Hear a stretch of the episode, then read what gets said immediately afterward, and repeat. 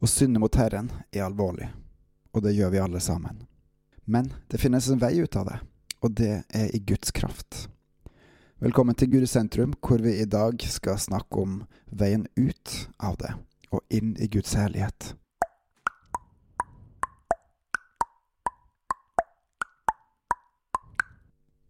I tredje Mosebok kapittel 5 vers 17 står det Når noen uten å vite det synder mot et av Herrens bud og gjør noe som han har forbudt å gjøre, og han slik har ført skyld over seg, og det ligger misgjerning på han, da skal han som skyldoffer føre framfor presten enhver uten lyte, av sitt småfe etter din verdsetting.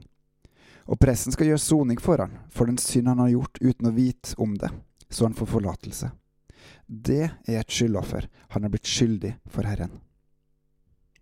Da israelsfolket valgte å følge Herren, så gjorde de en pakt med han. En gjensidig pakt om at Gud han skal ta vare på dem, han skal berge dem, han skal gi dem kaner, han skal frelse dem, mot at de følger han. Å følge Gud vil si å følge det han sier, å følge hans pakt.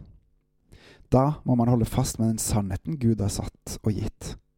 Hvis man ikke holder fast med det som Gud sier, så gjør man seg rett og slett urein overfor Gud. Og Gud ønsker at vi skal være hellige slik som han er hellig. Og han hjelper oss til og med å leve et hellig liv. Og hvis man gjør mot det her, så gjør man rett og slett opprør mot Gud. Å gjøre opprør mot Gud, det er Det skjer dessverre. Noen ganger bevisst, andre ganger ubevisst, og begge deler er synd. Det farlige med å gjøre opprør er at man kan bli forkasta at Gud kan forkaste oss som sitt folk eller som sin sønn eller datter. Den største velsignelsen som finnes, er faktisk å tilhøre Gud. Og den største forbannelse som finnes, er å ikke tilhøre Han. Småopprør er viktig å omvende seg fra, og vende tilbake til Gud. Og derfor så brukte man å ha det som het skyldoffer. Store opprør, bevisste opprør, er farlige. Og konsekvensen av de.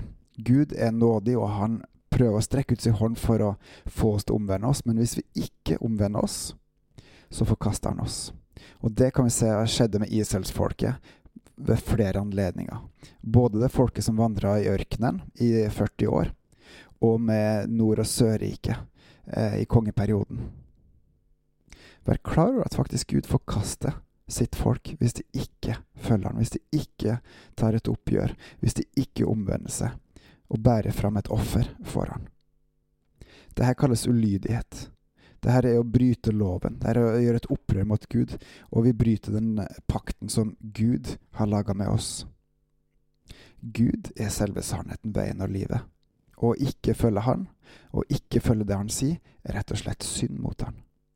Både i den gamle og den nye pakten. Og vi kan se gjennom hele Gamle testamentet at stor er velsignelsen over de som følger Han, og stor er forbannelsen over de som vender Gud ryggen, enten i det små eller det store. Gud har makt til å frelse eller til å dømme oss til en evig død, evig fortapelse. Og det er ingen tvil om at det er kun godt å være i Hans velsignelse, være i Hans nærhet. Men da må vi holde oss reine. I Gamle Testamentet så var veivalget sånn. Du må følge Herren. Hvis ikke, så er du rett og slett ute. Ute av Guds godhet, ute av Guds velsignelse, ute av Guds allmakt, ute av Guds godhet. Da er du rett og slett overlatt til deg sjøl. Sånn som israelsfolket var i visse anledninger. Fordi de forkasta Herren. De forkasta pakten, de forkasta sannheten.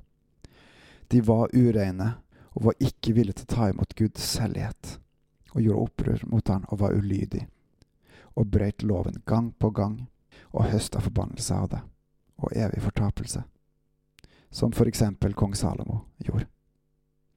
Motsatsen er kong David.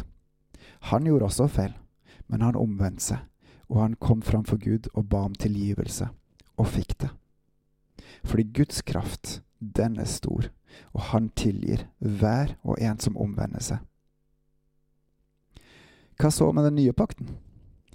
Gud er kjærlighet, og fordi han er kjærlighet, så har kjærligheten grenser. For så høyt har Gud elska verden, at han ga sin enbårne sønn, for at verden som tror på han, ikke skal gå fortapt, men ha evig liv. Og Gud kom ikke for å dømme verden, men for å frelse verden. Gud ønsker å frelse oss.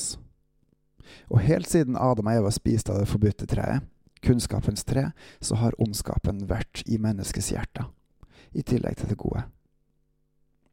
Og vi gjør ondskap. Vi gjør opprør mot Guds sannhet, mot Guds godhet. Ondskapen har kommet til uttrykk helt siden Kain drepte bror sin Abel. Og Lamek og alle mulige andre slags eksempler i Bibelen som viser oss ekte menneskeliv som lever sånn som de vil, og da ikke følger Gud, og de som virkelig jager etter, streber etter og følger Gud. Som faller av og til, men som reiser opp og følger Gud. Fordi de vet at sannheten, den har Gud, den er Gud. Hans vilje, den er god. Og ønsker man å leve et godt liv, ønsker man å leve et rettferdig liv, et liv fullt av kjærlighet, så er det kun mulig å få til det gjennom å følge Gud. Fordi han vet hva som er sannheten. Og den har han åpenbart til oss hovedsakelig gjennom Bibelen, hvor han skisserer ulike menneskeliv av folk som både følger han, og folk som gjør opprør mot han, og folk som ikke kjenner han. Eh, folk som ubevisst bryter pakt med han, og som vender tilbake igjen, og folk som ubevisst bryter pakt med han og mister han, forlater han. Bibelen er så rik på mange eksempler på liv, levde liv med Gud, i vekk fra Gud, uten Gud, og også uten Gud, men på vei mot Gud. Og så er det én måte til Gud snakker til oss, og det er jo direkte til oss. Han kan sende sine sendebud, og han kan tale til oss gjennom sin Hellige Ånd. Og husk alltid å sjekke det opp mot det han sier i Bibelen.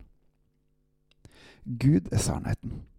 Og sannheten er rett og slett at han sendte sin sønn for å frelse oss. For at vi, verden, ikke skal gå fortapt.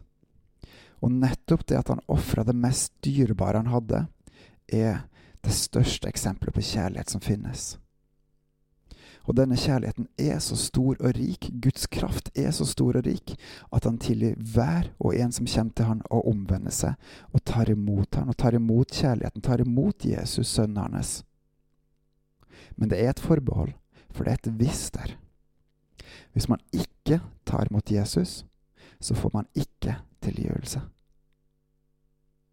Å ikke følge Gud i det her er ulydighet og opprør.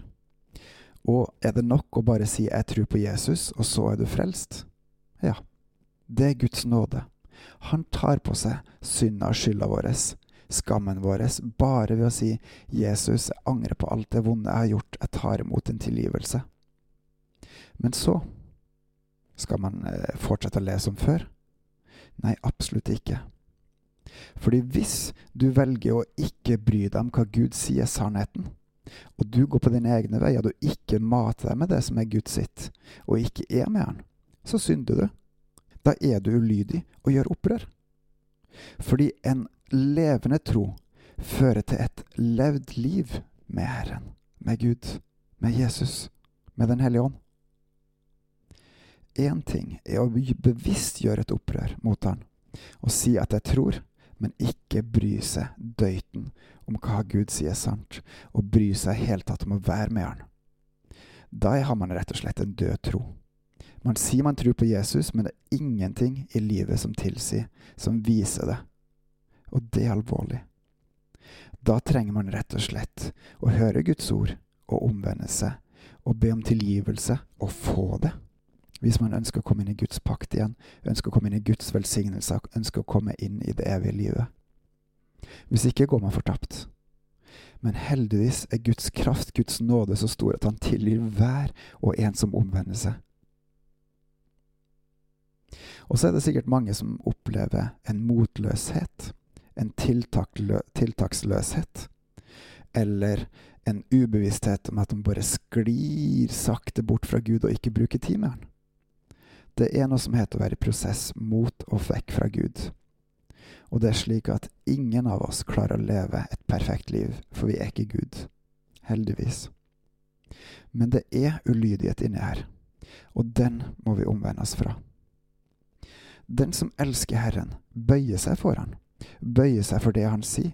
Den søker det Gud sier, og velger å leve etter det.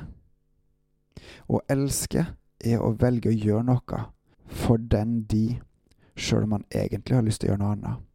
Å elske Herren er rett og slett å bøye seg for det Han sier. Det Han sier er godt, det som Han sier er sant, det som Han sier at vi skal gjøre. Fordi det er sannheten. Og en av de mest grunnleggende sannhetene som finnes, er at Gud vil at vi skal leve i relasjon med Han. Det evige livet, som det står i Johannes 17,3, er rett og slett å kjenne Han og Han som Han har sendt. Så Gud kaller oss inn i en relasjon med Han, som er en av de helt crazy gode tingene som kommer fram i den nye pakten. Og når vi lever med Han, når vi bruker tid med Han, dag etter dag Relasjon er ferskvare. Den man har kontakt med, den vokser man med. Den man ikke har kontakt med, den sklir man vekk fra.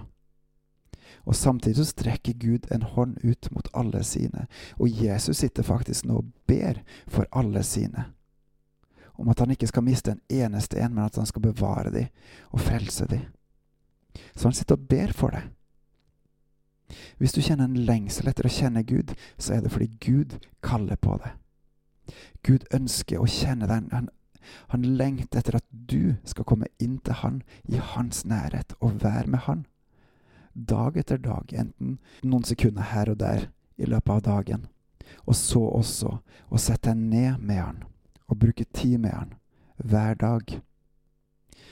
Og gjennom å leve med Gud og vokse med Han, f.eks. gjennom bebels, så vil relasjonen bli stadig sterkere, og det vil også påvirke hvordan vi lever med andre.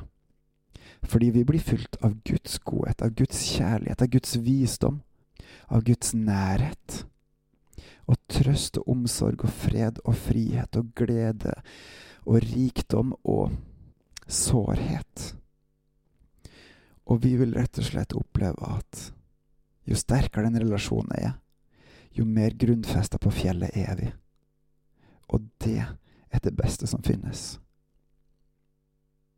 Og samtidig så er det en åndskamp. Motstanderen prøver virkelig å ødelegge mest mulig for Gud, og han skal få med seg ganske mange også, dessverre. Men vi, jeg og du, skal ikke være blant de.